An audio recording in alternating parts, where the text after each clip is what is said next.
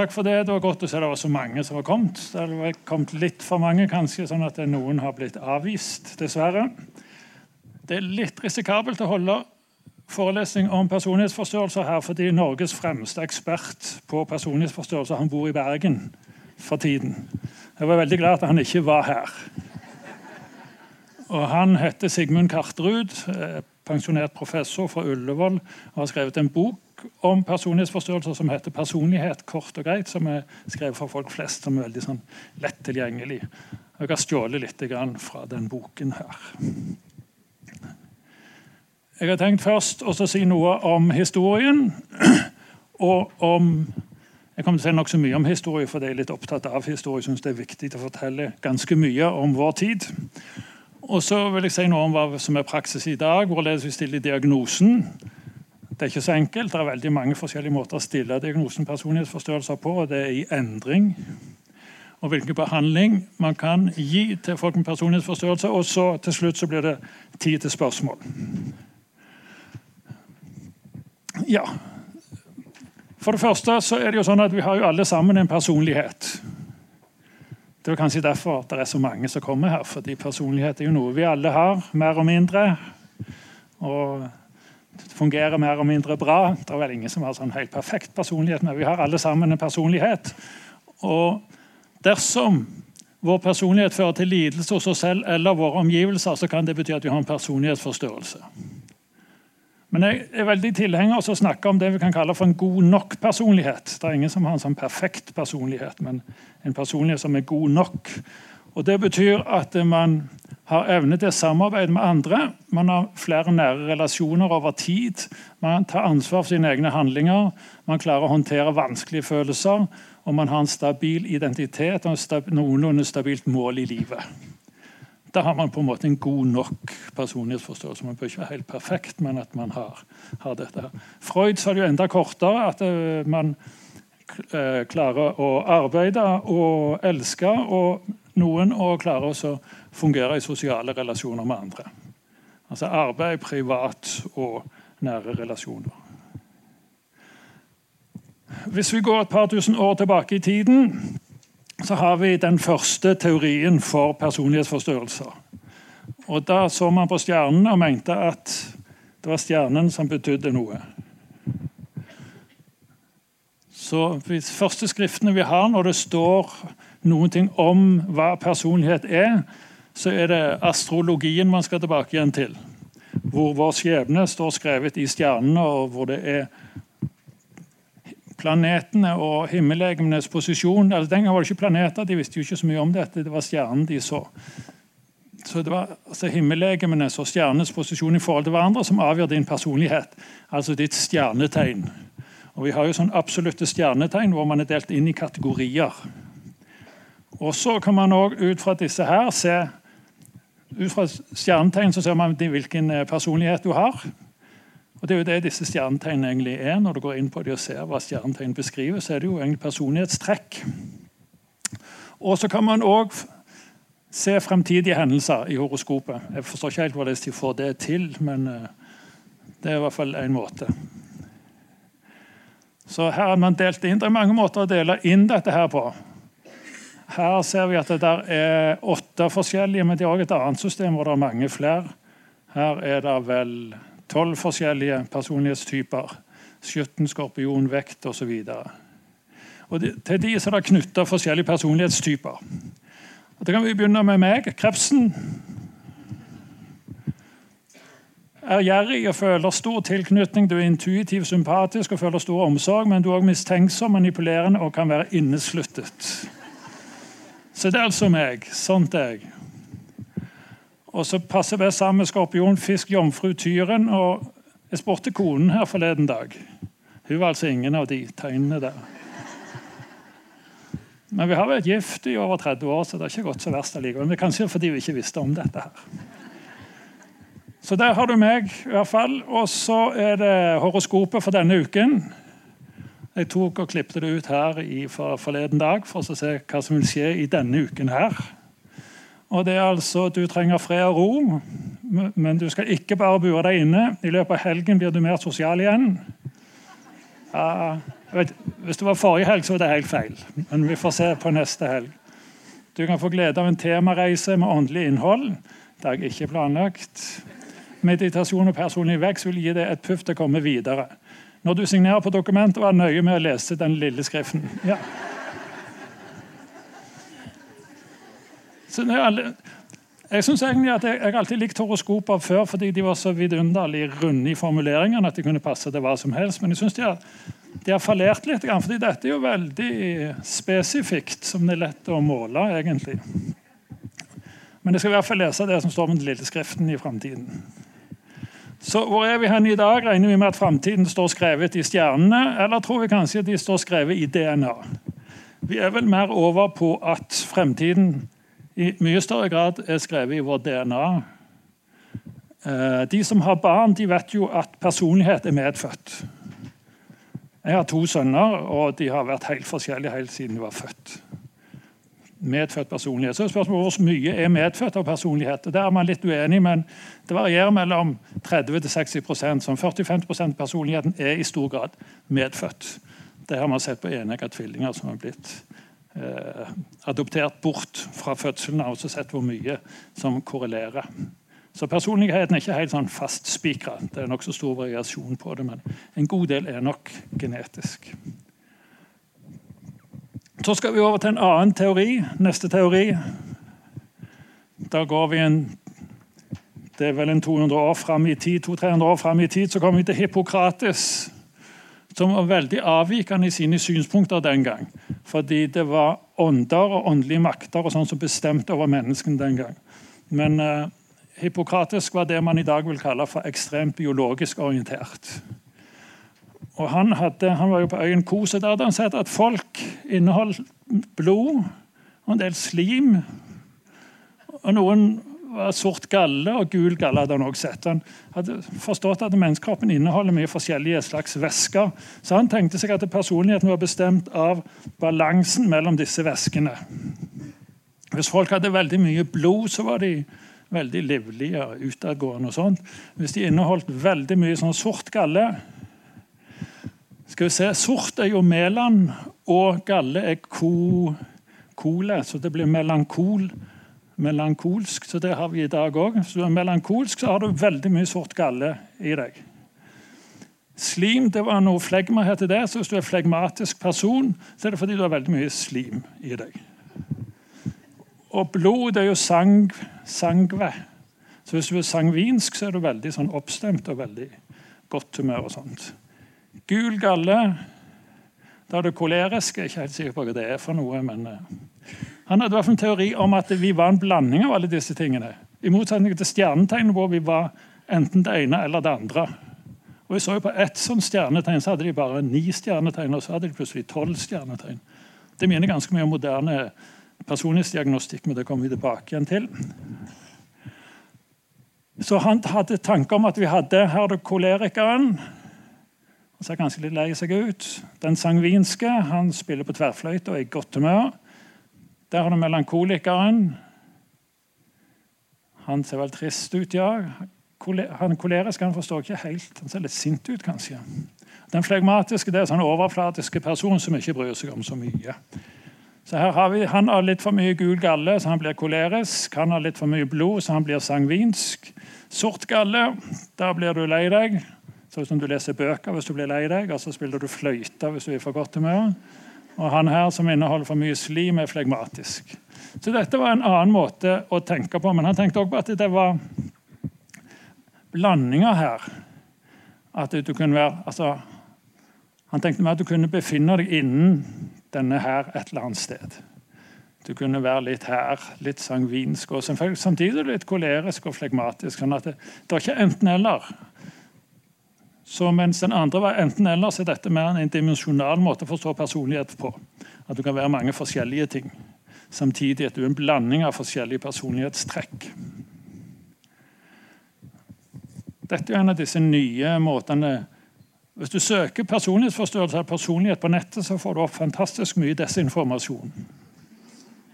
Det er veldig vanskelig å finne ordentlig informasjon på nettet, spesielt angående personlighet og personlighetsforstørrelse. Men en av de som ikke er så verst, er den der 'hvilken farge personlighet er du?' Fordi Den minner jo veldig mye om det som eh, Hippokrates holdt på med for et par tusen år siden. At Hvis du er blå, så er du eh, mer over de melankolske. Sangvinsk, da er du mer over i det Theory Red kaller de det for her. At du er veldig sterk vilje og bestemt. Kolerisk, da er du veldig entusiastisk. Og de flegmatiske, de er ja, de er i hvert fall avslappa og tålmodige. Så det har jo litt for seg. Det passer litt sammen med det han holdt på med. Så dette er jo det store, grunnleggende spørsmål i, når det gjelder personlighetsforstørrelser. Er det sånn at det fins helt avgrensa personlighetstyper, det vi kaller kategorier, som de tolv stjernetegnene i astrologien, eller er det sånn at vi alle sammen er blanding av forskjellige trekk, personlighetstrekk? Sånn som Hippokrates hadde med disse fire væskene som man kunne blande sammen på forskjellige måter. Og så har vi, Hvis vi går videre fram i historien, så har vi Prave Greger den store på 500-tallet. Nå har vi plutselig hoppet veldig langt fram. Fra 300 før Kristus til 500-tallet. 800 år fram. Han snakket om de syv dødssyndene. Dette var mer en beskrivelse av veldig uønska personlighetstrekk som den katolske kirken ikke likte. Det var lastene og dydene, har jeg skrevet i parentes. Begjær var den store lasten, og kyskhet var dyden. Fråtseri var lasten, og måtehold var dyden. Grådighet var eh, lasten, og man skulle være barmhjertig, det var dyden, osv. nedover. Latskap det var dårlig, innsatsvilje var bra, vrede var ikke noe bra, tilgivelse var det man skulle. Misunnelse var ikke noe, man skulle utvise velvilje. Og hovmod var heller ikke et bra personlighetstrekk. Man skulle, personlighetstrekk man skulle utvise ydmykhet i stedet for. Så Dette var egentlig ikke en personlighetsteori, men det var en beskrivelse av trekk som var ønskelige eller ikke ønskelige. På 1700-tallet så var frenologien nokså populær. Det betydde at man kunne se på hodene til folk hva slags personlighet de hadde. Det er Mange som tror det er fortsatt du kan se på folk om de er tyv, eller du kan se på folk om de er voldtektsforbrytere eller kriminelle. og sånt. Og Du kan også se på folk om de er mordere. Det er ikke så lett. Jeg har hatt med mange mordere å gjøre. Jeg, og de ser helt, helt vanlige ut, de aller fleste av dem. Men her er litt sånne eksempler. Her har du en god mor. Hun har sånn fint, godt bakhode. Mens her går det innover. Det er ikke, det er ikke noe bra.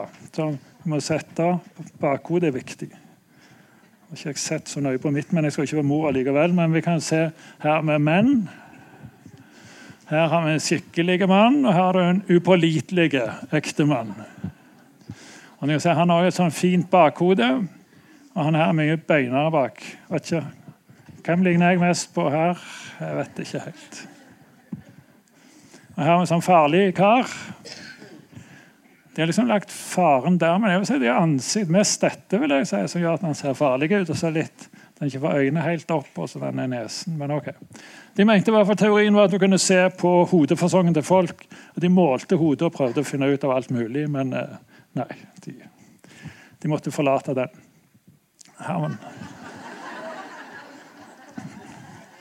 Har det en mer moderne versjon av eh, frenologien, men det er håret til Trump de har konsentrert seg om. Vi kommer tilbake til Trump fordi han har jo sin plass her blant sånn moderne personlighetstenkning. Så er vi over på Sigmund Freud, som også hadde teorier om hvordan vi har utvikla personligheten. Han var jo opptatt av disse stadiene oral, anan og fallisk fase. Og oral fase det var jo egentlig eh, amming. Og hvis du ble amma under tvang, eller du ikke fikk amma, eller du ble avvent for tidlig, så utvikla du disse trekkene her, avhengig og aggressiv, og du kunne begynne med forferdelige ting sånn som å røyke og bli eh, avhengig av ting eller aggressiv. Det er ikke helt feil, fordi det vi ser blant folk som har alvorlige rusproblemer, er at de veldig ofte har vært utsatt for omfattende om omsorgssvikt i uh, oppvekst. Jeg vil ikke akkurat si at han har helt rett med at det har så mye med amming å gjøre, men det har noe med omsorgssvikt å gjøre. Og så var det dette med at òg Freud Nå sier det kanskje litt sånt uh, provoserende, men pottetrening var viktig hvis du ikke Ja, toilet training ja, det blir pottetrening på norsk. Hvis det var for strengt eller for avslappa, så hvis det var for strengt, så ble du veldig tvangsprega. Og spesielt påholden med avføringer med penger og med alt mulig. ble du veldig påholden. Eller hvis man ikke ble oppdratt i det hele tatt der, så blir man for sjenerøs og utflytende. Ja, De teoriene til Freud de har man jo stort sett gått fra. De er ikke så aktuelle lenger. Dette er jo ikke så, dette holder man vel fast i fortsatt til en viss grad. At det ubevisste konflikter former personligheten. Og at du har formet en personlighet ut fra det du opplever når du vokser opp. Jeg sier at 30 eller 40-50% av personligheten er biologisk bestemt. Men resten blir så formet av oppveksten din. Og det er jo mye sånn konflikter. Både ubevisste konflikter og nokså bevisste konflikter som preger en. Og hva man opplever under oppveksten og hva man opplever i løpet av livet, kan være med å forme ens personlighet. Så kommer vi til en veldig viktig eh, test man hadde for, på 60-tallet. Marshmallows-testen. Det er ikke et norsk navn men de heter marshmallows. Uh, man tok barn og satt inn, inne på et rom. Så fikk de beskjed om at her har du en marshmallow. Hvis du venter i ti minutter og ikke spiser den, så får du to.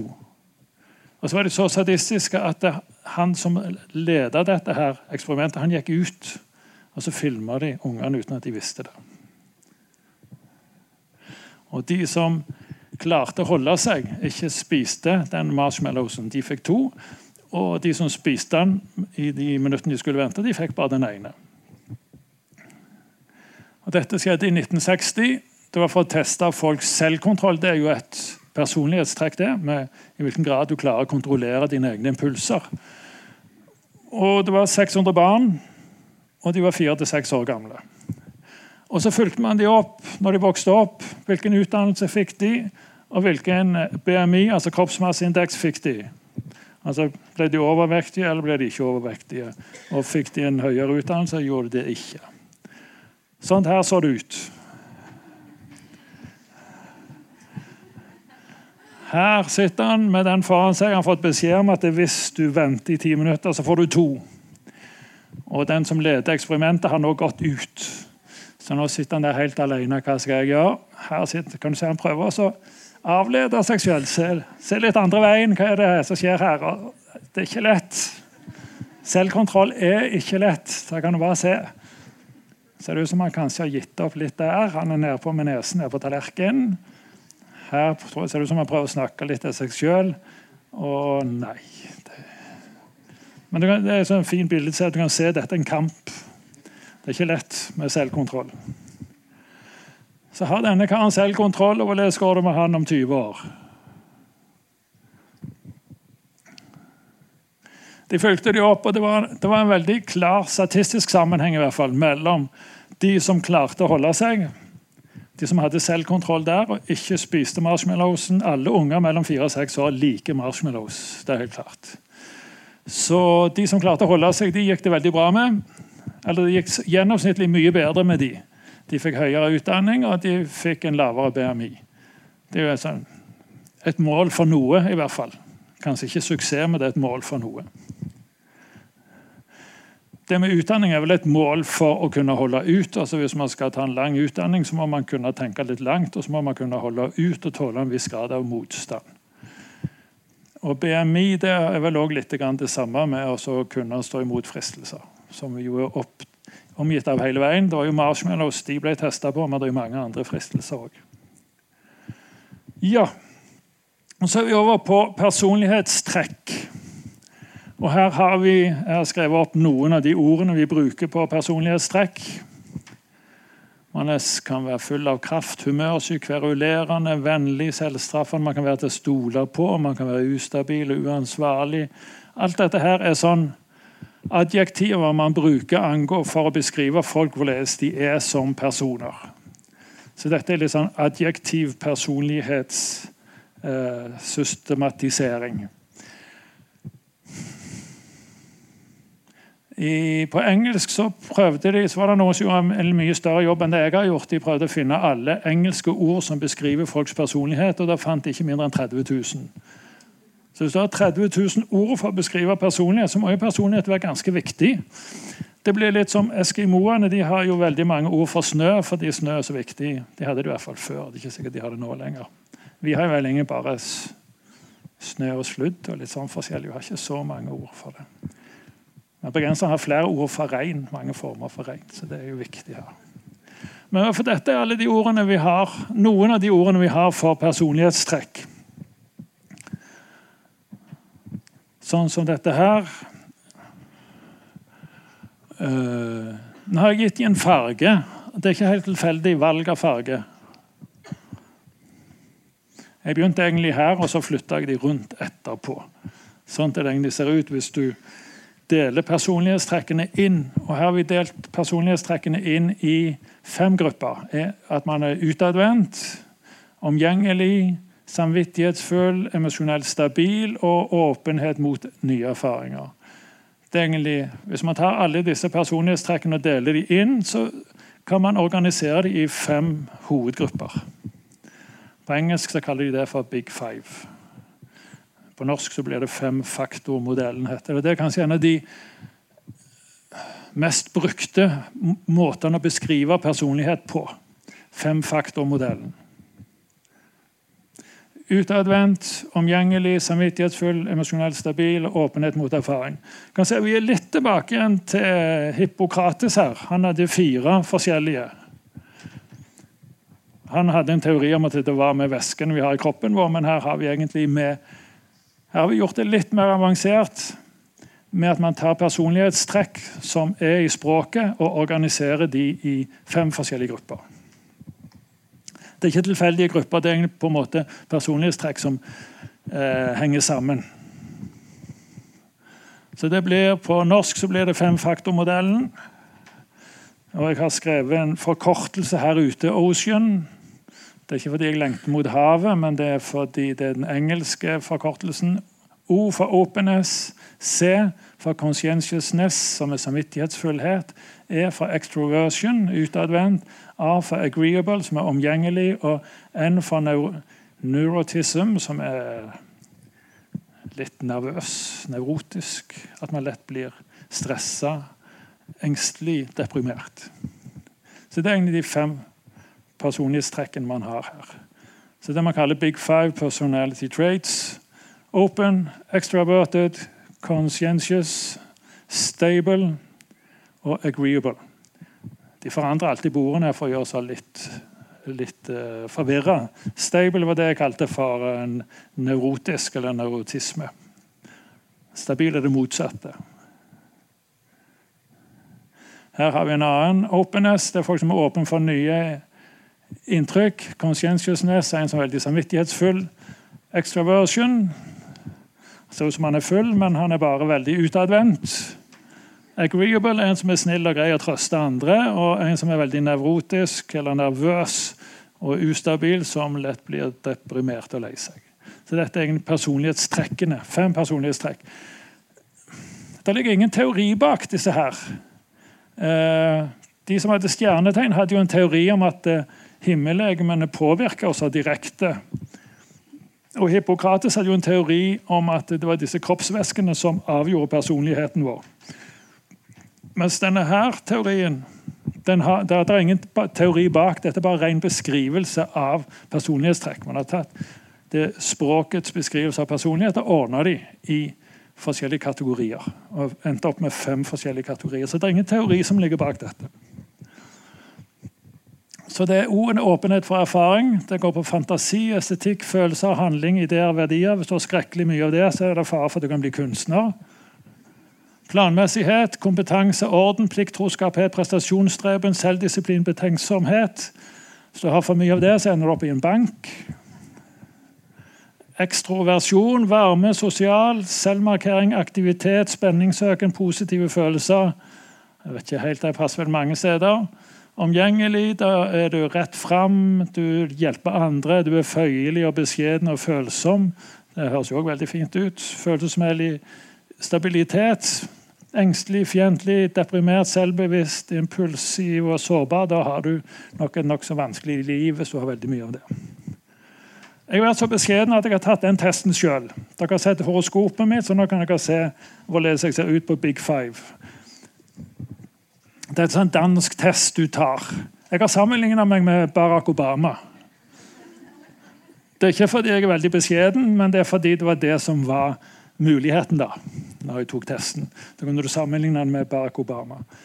Når det gjelder her å åpen, openness, så er ikke jeg fullt så åpen som Barack Obama, men oversnittet 50 er det som er snittet. 100 er skrekkelig mye. Så sånn, Obama er mye mer åpen enn meg. Når det gjelder C, conscientiousness, samvittighetsfull, så er det ikke stor forskjell på oss. Der ligger jeg litt over han, det undrer meg litt. Men ja, ja. Det jeg. Jeg har tatt litt i når jeg har svart på spørsmålene. En det var fra extroversion, hvor høy du er på utadvendthet. Der er jeg veldig, veldig høyt oppe der. Det er kanskje derfor jeg står her òg. Det er nesten patologisk å være så utadvendt som det. Så det får vi ta selvkritikk på. Han ble president, og han ligger mye under meg, så det, det får vi ta opp. Så når det gjelder agreeableness, altså hvor vennlig du er, så er vi nokså like. Og når det gjelder hvor nevrotiske vi er, så er det heller ikke stor forskjell. At det vil si, Jeg er jo dobbelt så neurotisk som Barack Obama, men vi ligger langt nede begge to.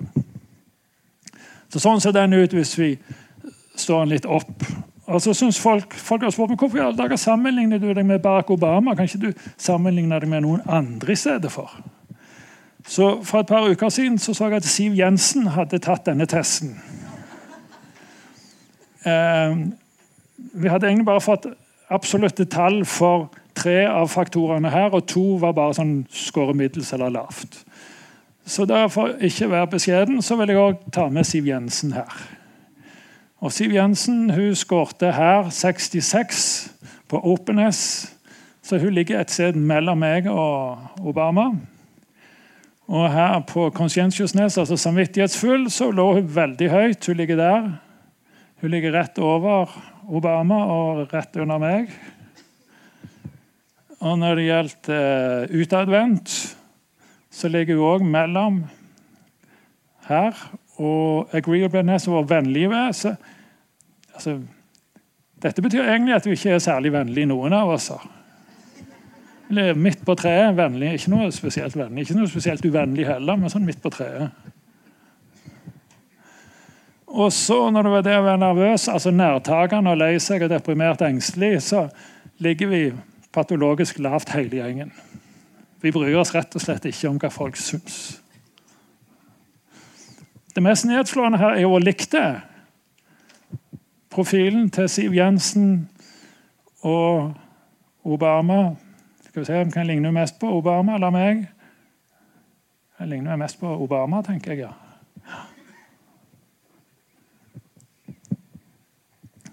Så disse personlighetstrekkene forteller ikke så veldig mye om oss. De forteller oss litt om hva struktur vi har, men ikke, forteller ikke alt om oss. Så dette, dette er fortellingen bare noe om personlighetstrekk. hvilke trekk vi har. De sier egentlig ikke så veldig mye om hvem vi er. Men de sier noen ting om hvor nervøse vi er, eller hvor lett, lett vi har for å bli deprimert og engstelige. Noe om hvor varme og hyggelige og vennlige vi er. Noe om hvor flinke vi er til å planlegge, hvor utadvendt vi er, og hvor åpne vi er for nye opplevelser. Så det gir en sånn viss idé om personlighetstrekk. Eh, denne testen blir veldig mye brukt rundt omkring i eh, arbeidsliv og sånt for å si noe om folk og litt om hva man, eh, hva man ønsker seg til forskjellige jobber. Så Dette er en av de mest brukte personlighetstestene, og kanskje også en av de beste. Kan du se på føttene dine, så kan du se på tærne, så kan det fortelle veldig mye om hvilken personlighet du er. Dette, dette finner dere veldig mye av på nettet, og det er tull og tøys. Det er jo bare vås, og dette finner dere veldig mye av på nettet. Derfor er det farlig å søke på nettet, egentlig, spesielt hvis man tror på det. Jeg har sånne tær. Jeg har fått vite en gang at det gikk ikke an å løpe hvis du hadde sånne tær. Men jeg har ikke sjekket hvilken personlighet det passer til. Så dette er bare et godt eksempel på at man finner veldig mye tull og tøys om personlighet. Så Begrepet personlighet kan defineres som en persons måte å tenke, føle, handle på i en rekke ulike situasjoner over en lengre tidsperiode. Så Personlighet er måten du tenker, føler, handler på i forskjellige situasjoner. Det er nokså forutsigbart hvorledes du tenker, handler og føler i forskjellige situasjoner. Du har det med å, å være deg sjøl i forskjellige situasjoner. Og Her har vi definisjonen på personlighetsforstørrelse i ICD-10. ICD-10 er det gjeldende diagnosesystemet vi har nå. Det er International Classification of Diseases, altså internasjonale sykdomsklassifikasjonssystemet. Det dreier seg om et varig mønster av indre atferd som avviker fra kulturell norm innen kognisjon. Kognisjon er egentlig å forstå ting. Affektivitet, dvs. Si affekter, er om du blir oppstemt, nedstemt eller engstelig. Og mellommenneskelig fungering og impulskontroll. Og dette mønsteret er lite fleksibelt. Skaper ubehag for pasient og eller omgivelser. Det er når du har en personlighetsforstørrelse. Det sentrale med personlighetsforstørrelse at det skaper ubehag for pasienten og eller omgivelsene. Det er stabilt og langvarig, og det er ikke andre forklaringer på dette. Så Dette er definisjonen på personlighet. Personlighetsforstørrelse. Så hvis vi gjentar personlighet, det er en stabil måte å forholde seg til ytre hendelser på gjennom handlinger, tanker og følelser. Det er vi så sett enige om. Det er personlighet. Det er sånt vi er. Det er sånt vi er skrudd sammen. Personlighetsforstørrelse det er akkurat det samme. Dette er det samme som det er. Men ved personlighetsforstørrelse så, så, så, gir disse trekkene stadig problemer for personen og eller omgivelsene. Altså Forskjellen på å ha en personlighet og å en personlighetsforstørrelse det er at Hvis du har en personlighetsforstørrelse, så har du stadig vekk problemer overfor deg sjøl eller overfor andre. Det er selve definisjonen på personlighetsforstørrelse. At det skaper problemer.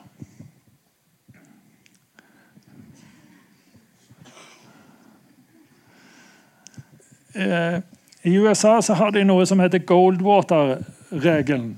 Eh, det er en regel som den amerikanske psykiaterforeningen har.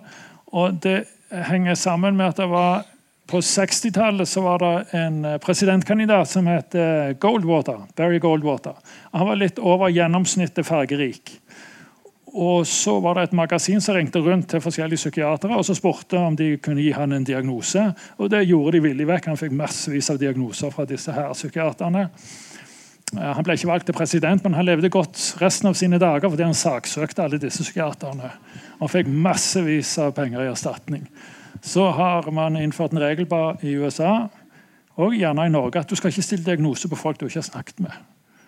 Og så må du ha tillatelse til å uttale deg offentlig om det før du stiller diagnose. Det ble jo brutt veldig mye under Breivik-saken her i Norge. Da var det veldig mange som stilte diagnoser. Så når det gjelder Mr. Trump, så er det spørsmål er han en personlighet at han har en stabil måte å forholde seg til ytre hendelser på gjennom handlinger, tanker og følelser.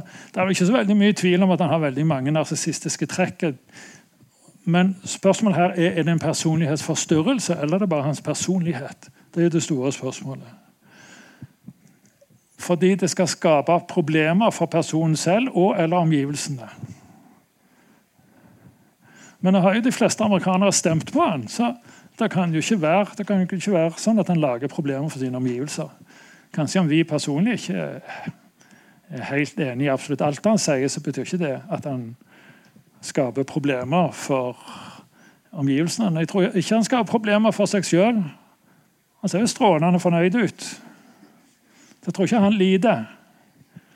Og kanskje ikke landet heller. Så man kan ha lange diskusjoner om det om man har en personlighetsforståelse eller ei. men uh, det går Det springende punktet her er om han skaper problemer for andre eller for seg sjøl.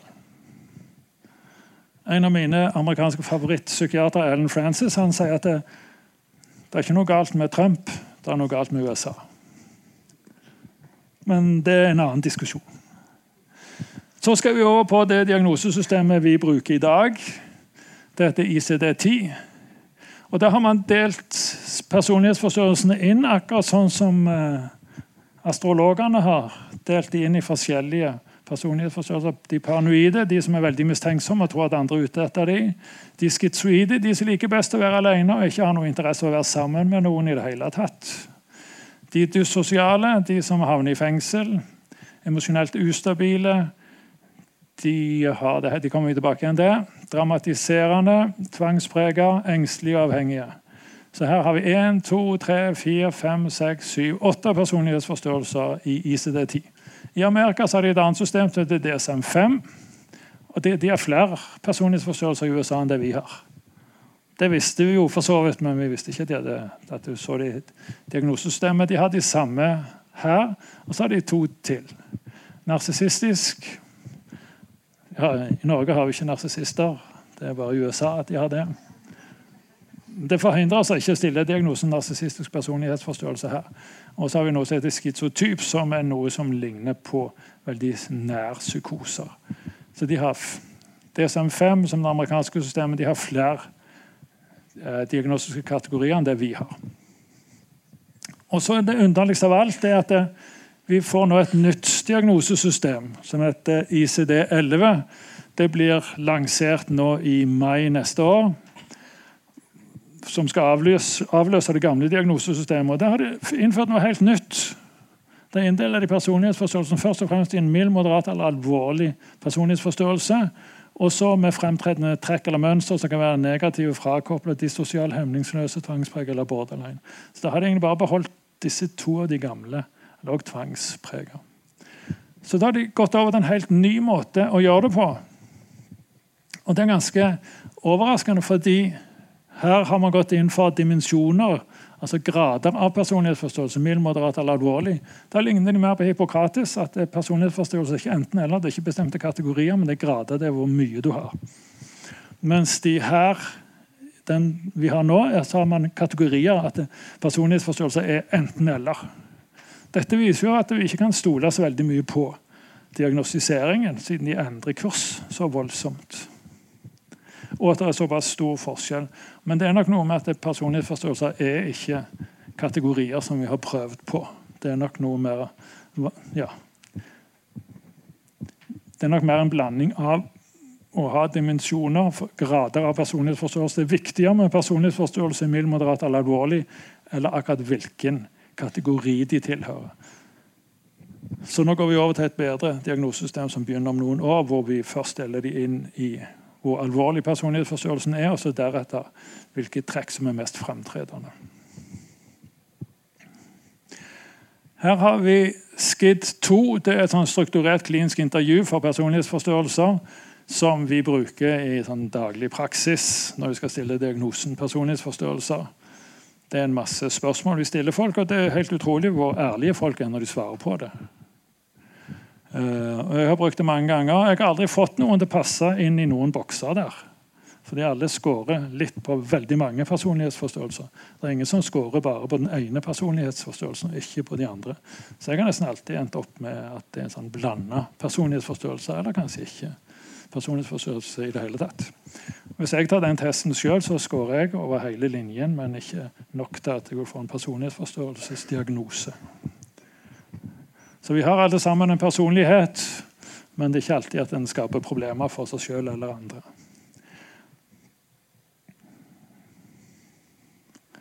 Da kan vi gå inn på de enkelte personlighetsforstyrrelsene.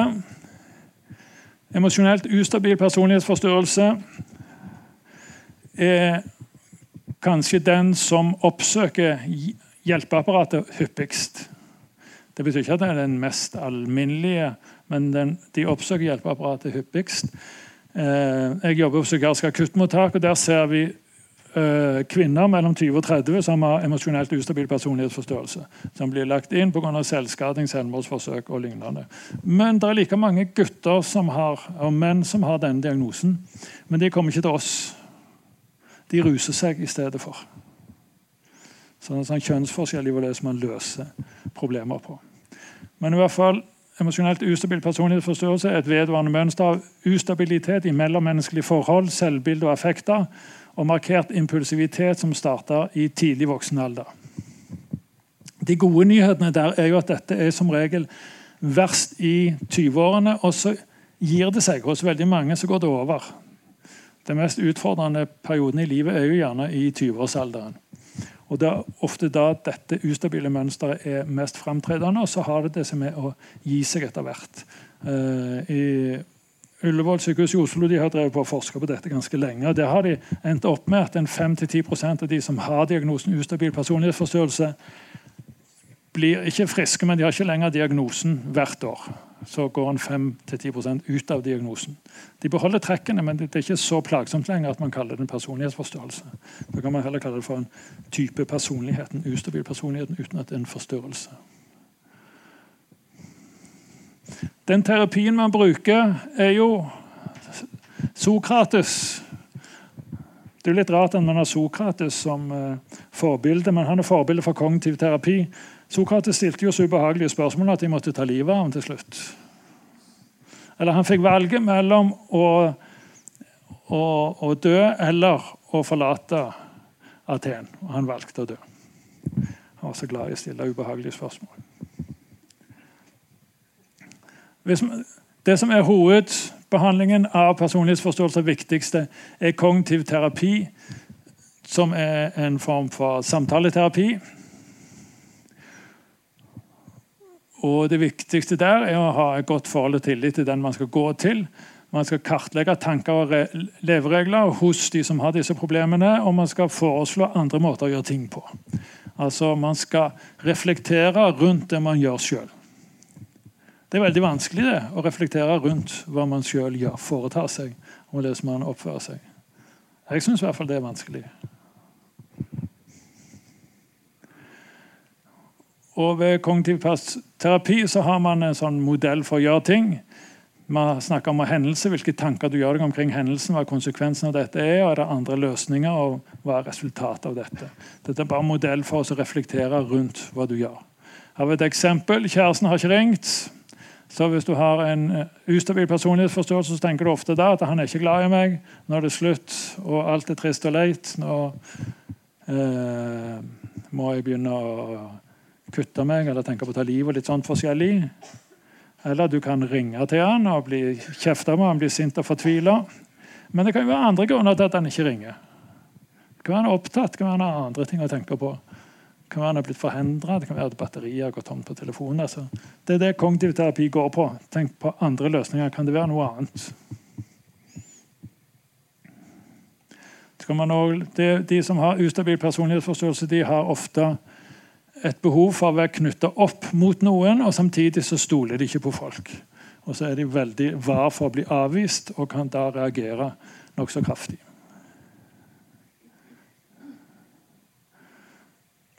Det var, veldig, det var, et lynkurs i behandling av ustabil personlighetsforståelse. Så skal vi jo, Denne her er jo også klassiker. X-en var psykopat. Jeg pleier alltid å si Det er jo definisjonen på X-en at han var psykopat. Ellers hadde han ikke vært X. Så det, det, går veldig mye igjen. Og Eksen er jo psykopat fordi at han ikke har gitt deg den omtanken og sånn som du mente du skulle ha. Så det er veldig typisk at Eksen er psykopat. Det er ikke diagnostisk. Men vi snakker om dyssosial personlighetsforstørrelse. Personen med dyssosial personlighetsforstørrelse framstår med manglende empati. Det er derfor han er psykopat. Først og fremst dette mangler empati, mangler forståelse ansvarsfølelse og respekt for sosiale normer, regler og eller forpliktelser. Ofte har man en mangelfull evne til å bli værende i relasjoner med andre mennesker.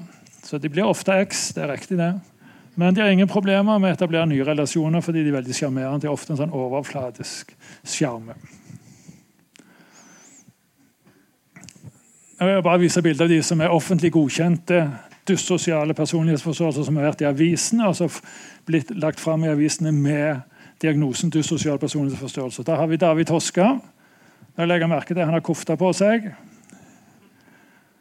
Arfan Bhatti, dyssosial personlighetsforstyrrelse. Hva har han på seg?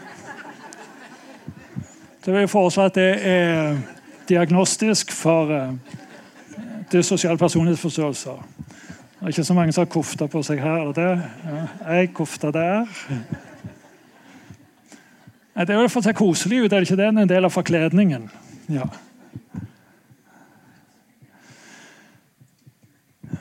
Her har vi en kjekk ung mann. Muligens utsatt for omsorgssvikt. Og ja, Det var han som var mye omtalt i media her for noen år siden og ble først kalt psykotisk, og senere fikk han vel diagnosen narsissistisk personlighetsforstyrrelse og dyssosial personlighetsforstyrrelse. Kognitiv terapi ved dyssosial personlighetsforstyrrelse går an å gjøre noe med de dyssosiale. Det er lett å behandle de. De eh, har grunnleggende tanker om seg sjøl, at de er alene, at de er et offer. Og det de gjør, at de utnytter andre, de lyver og stjeler. Og så kan du jo reflektere over om de kan gjøre ting på en annen måte. Det de tenker om andre, at de utnytter, kontrollerer, manipulerer andre. De unngår å bli kontrollert og samarbeider lite omkring uh, regler. Og så er det spørsmål hva de kan eh, lære av det. Så langt når det gjelder behandling av dyssosial personlighetsforstyrrelse, så har man ingen suksess å vise til. I motsetning til us emosjonelt ustabil personlighetsforstyrrelse har man ganske effektive, mange forskjellige behandlingsformer som er ganske effektive. Men når det gjelder dyssosiale, så har man veldig lite å, å vise til, egentlig. Disse treffer du først og fremst i Bergen fengsel. Eller selvfølgelig fengsler overalt ellers. Eller kanskje høyt i næringsliv og politikken, og sånt, men lettest å finne de i fengsel.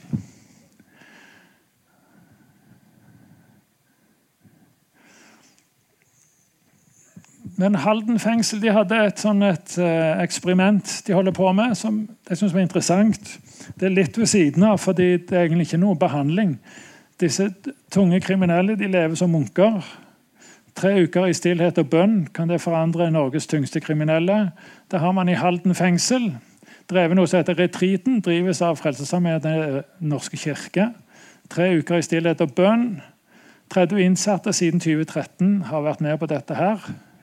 Seks har fullført. Det begynner å bli noen år siden de har fullført. Og ingen av de seks som har fullført, som er tunge kriminelle, har havna tilbake igjen. Det de gjør der, er jo at de reflekterer over sitt eget liv. Hva er det, hva er det jeg har gjort? Hva er det jeg vil videre med livet? Og dyssosiale de syns jo at psykologi og sånt det er for pyser. Det vil ikke de ha noen ting av. Hvis du sender inn en ung, nyutdanna psykolog til dem, så har de ingen respekt for dem. Men det viser seg at de har respekt for dette her systemet. Det blir drevet av Den norske kirke, men det skal være nøytralt når det gjelder trosretning. Det, de kan be til hvilken gud de vil, eller ingen i det hele tatt. Det viktigste her er at de eh, er de har stort sett, de skal være i stillhet og bønn, altså de skal reflektere over sitt eget liv og hva de har gjort. Og Det ser ut til å virke ganske bra på disse her, så langt. Men det er jo veldig lite. Det er i Halden fengsel. Tunge kriminelle. 30 innsatte har holdt på. Og Det mest imponerende er jo at disse seks som har fullført, har ikke havnet tilbake i fengsel. Men det havner jo veldig mye om hvor lang observasjonstid man har på. Hvor lang tid det har gått siden de er ferdig med dette programmet.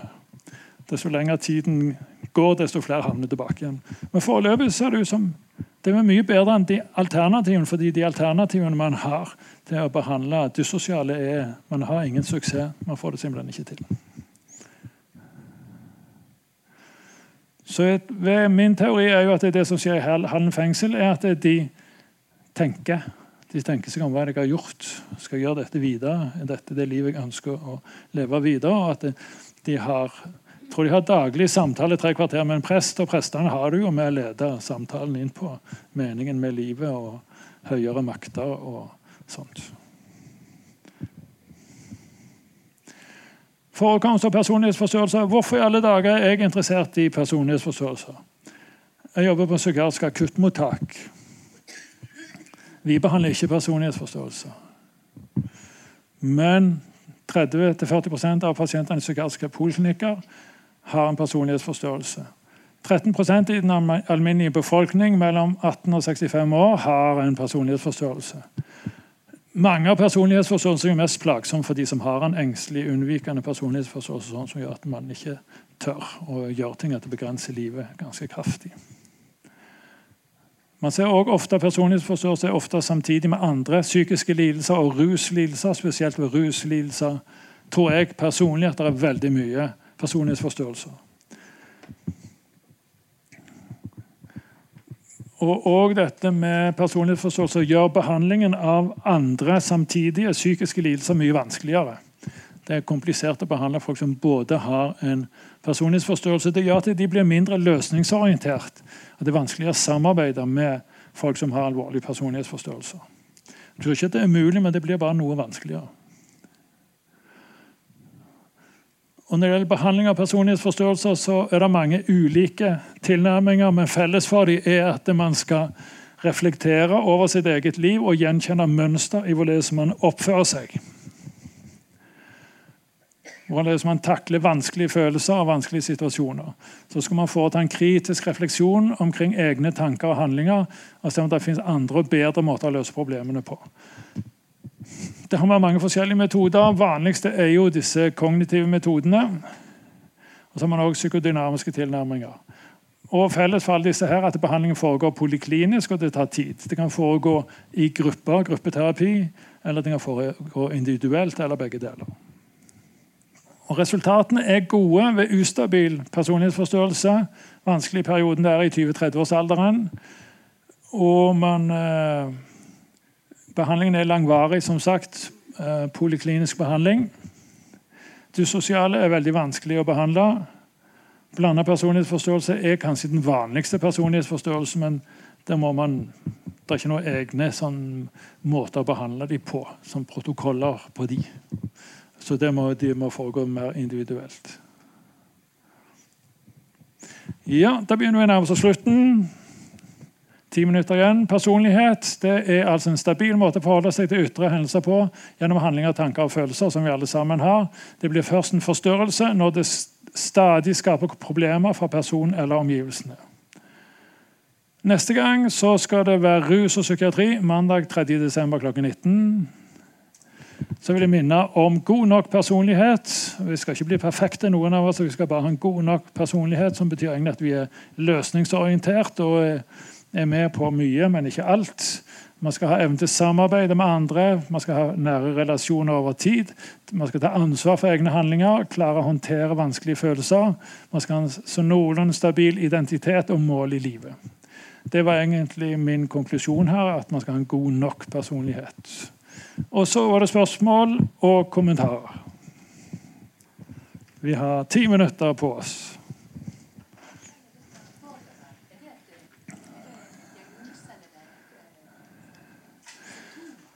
Ja, Spørsmålet er om vi forteller litt mer om borderline. Borderline er det man kaller emosjonelt ustabil personlighetsforstyrrelse. Det er kjennetegnet ved at man er usikker på egen identitet. Man har problemer med å takle vanskelige følelser. Spesielt har man problemer med å stole på andre. Man føler seg lett forlatt og svikta av andre og man tyr lett til enten-eller-tenkning. og Det er mest problematiske er jo dette med selvskading og selvmordstanker som ofte kommer tilbake igjen, eller rus, som man ser hos menn. Det typiske mønster ved emosjonelt ustabil personlighetsforstyrrelse er hos menn rus, og hos kvinner er det selvmordstanker og selvskading. Psykodyname, hva er psykodynamisk metode ved eh, behandling av personlighetsforstyrrelser? Da tar man mer opp eh, barndom og oppvekst og relasjoner til viktige personer under oppveksten for å prøve å finne forklaringen tilbake i tid med relasjoner under oppveksten. Ikke helt tilbake til pottetrening og sånn som Sigmund Freud, men til relasjoner til nære personer. Det er ofte sånn at Vi gjentar mønster som vi har lært oss når vi var små, at det preger vår personlighet. Hvis vi hadde foreldre som ropte og skrek veldig mye og var upålitelige, så blir vi ofte det sjøl når vi vokser opp. Hvis vi har veldig kjedelige foreldre, som er en stor fordel, som ikke roper og skriker, og som er saklige og rolige, så blir vi det litt sjøl òg. Så Det er mer den psykodynamiske tilnærmingen. Den kognitive tilnærmingen den er mye mer her og nå, veldig praktisk. Det blir mer sånn ja, Hva gjorde du da? Hva sa du da? Hva tenkte du da? Hva var situasjonen? Hvilke tanker hadde du, og hva gjorde du? Så Kognitiv terapi er veldig mye her og nå, mens den psykodynamiske går gjerne litt tilbake i tid. Men det går på det samme, det å reflektere over hvilke mønstre du har når det gjelder å håndtere problemer i livet.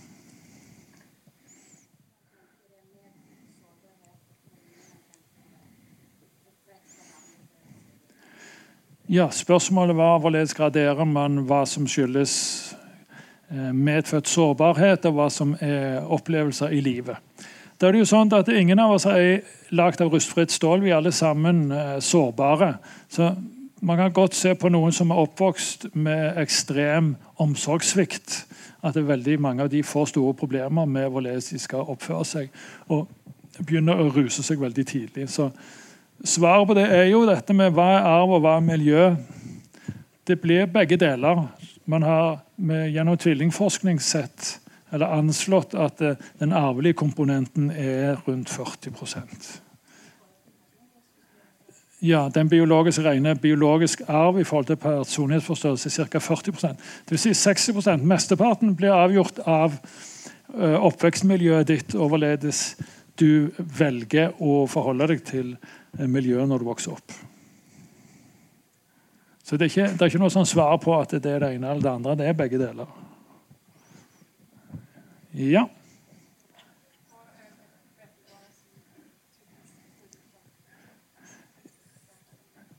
Ja, spørsmålet var at Ved emosjonelt ustabil personlighetsforståelse har man ofte et uklart selvbilde. Man er litt usikker på hvem man er.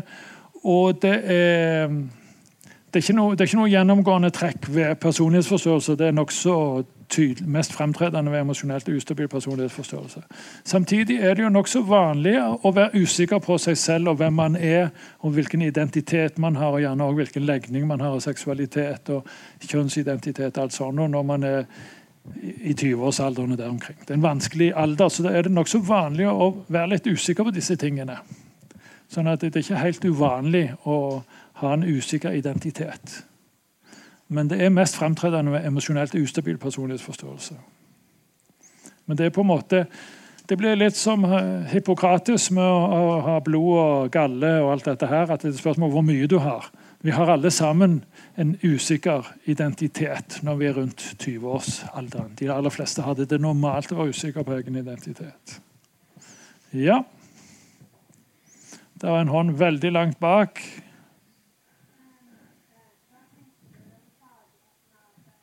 Spørsmålet var hva fagligheten er med psykopati og dyssosial personlighetsforstyrrelse. Uh, ja, det, altså, Jeg har snakket om psykopati og dyssosial personlighetsforstyrrelse som om det er det samme, men det er det jo for så vidt ikke. Men de har veldig mange av de samme trekkene. Jeg har ikke tenkt å gå inn på så veldig nøye differensialdiagnoser her, fordi de har veldig mye felles dyssosial antis... Man bruker forskjellige begreper. Hvis man skal være veldig nøye her, så har du dyssosial personlighetsforstyrrelse, man har antisosial personlighetsforstyrrelse, man har psykopater. Det er litt forskjellig definisjon man har på det, men de har mange felles trekk. Men det er, det, er, det er, litt forskjellige definisjoner på det. Men det samme går jo igjen, at man viser lite hensyn til andre og er veldig opptatt av sitt, sitt, seg og sitt, og bryr seg lite om andre folk. Ja, For dette, for bruk her, så er dyssosial, antisosial og psykopat det samme. Takk for oppmerksomheten.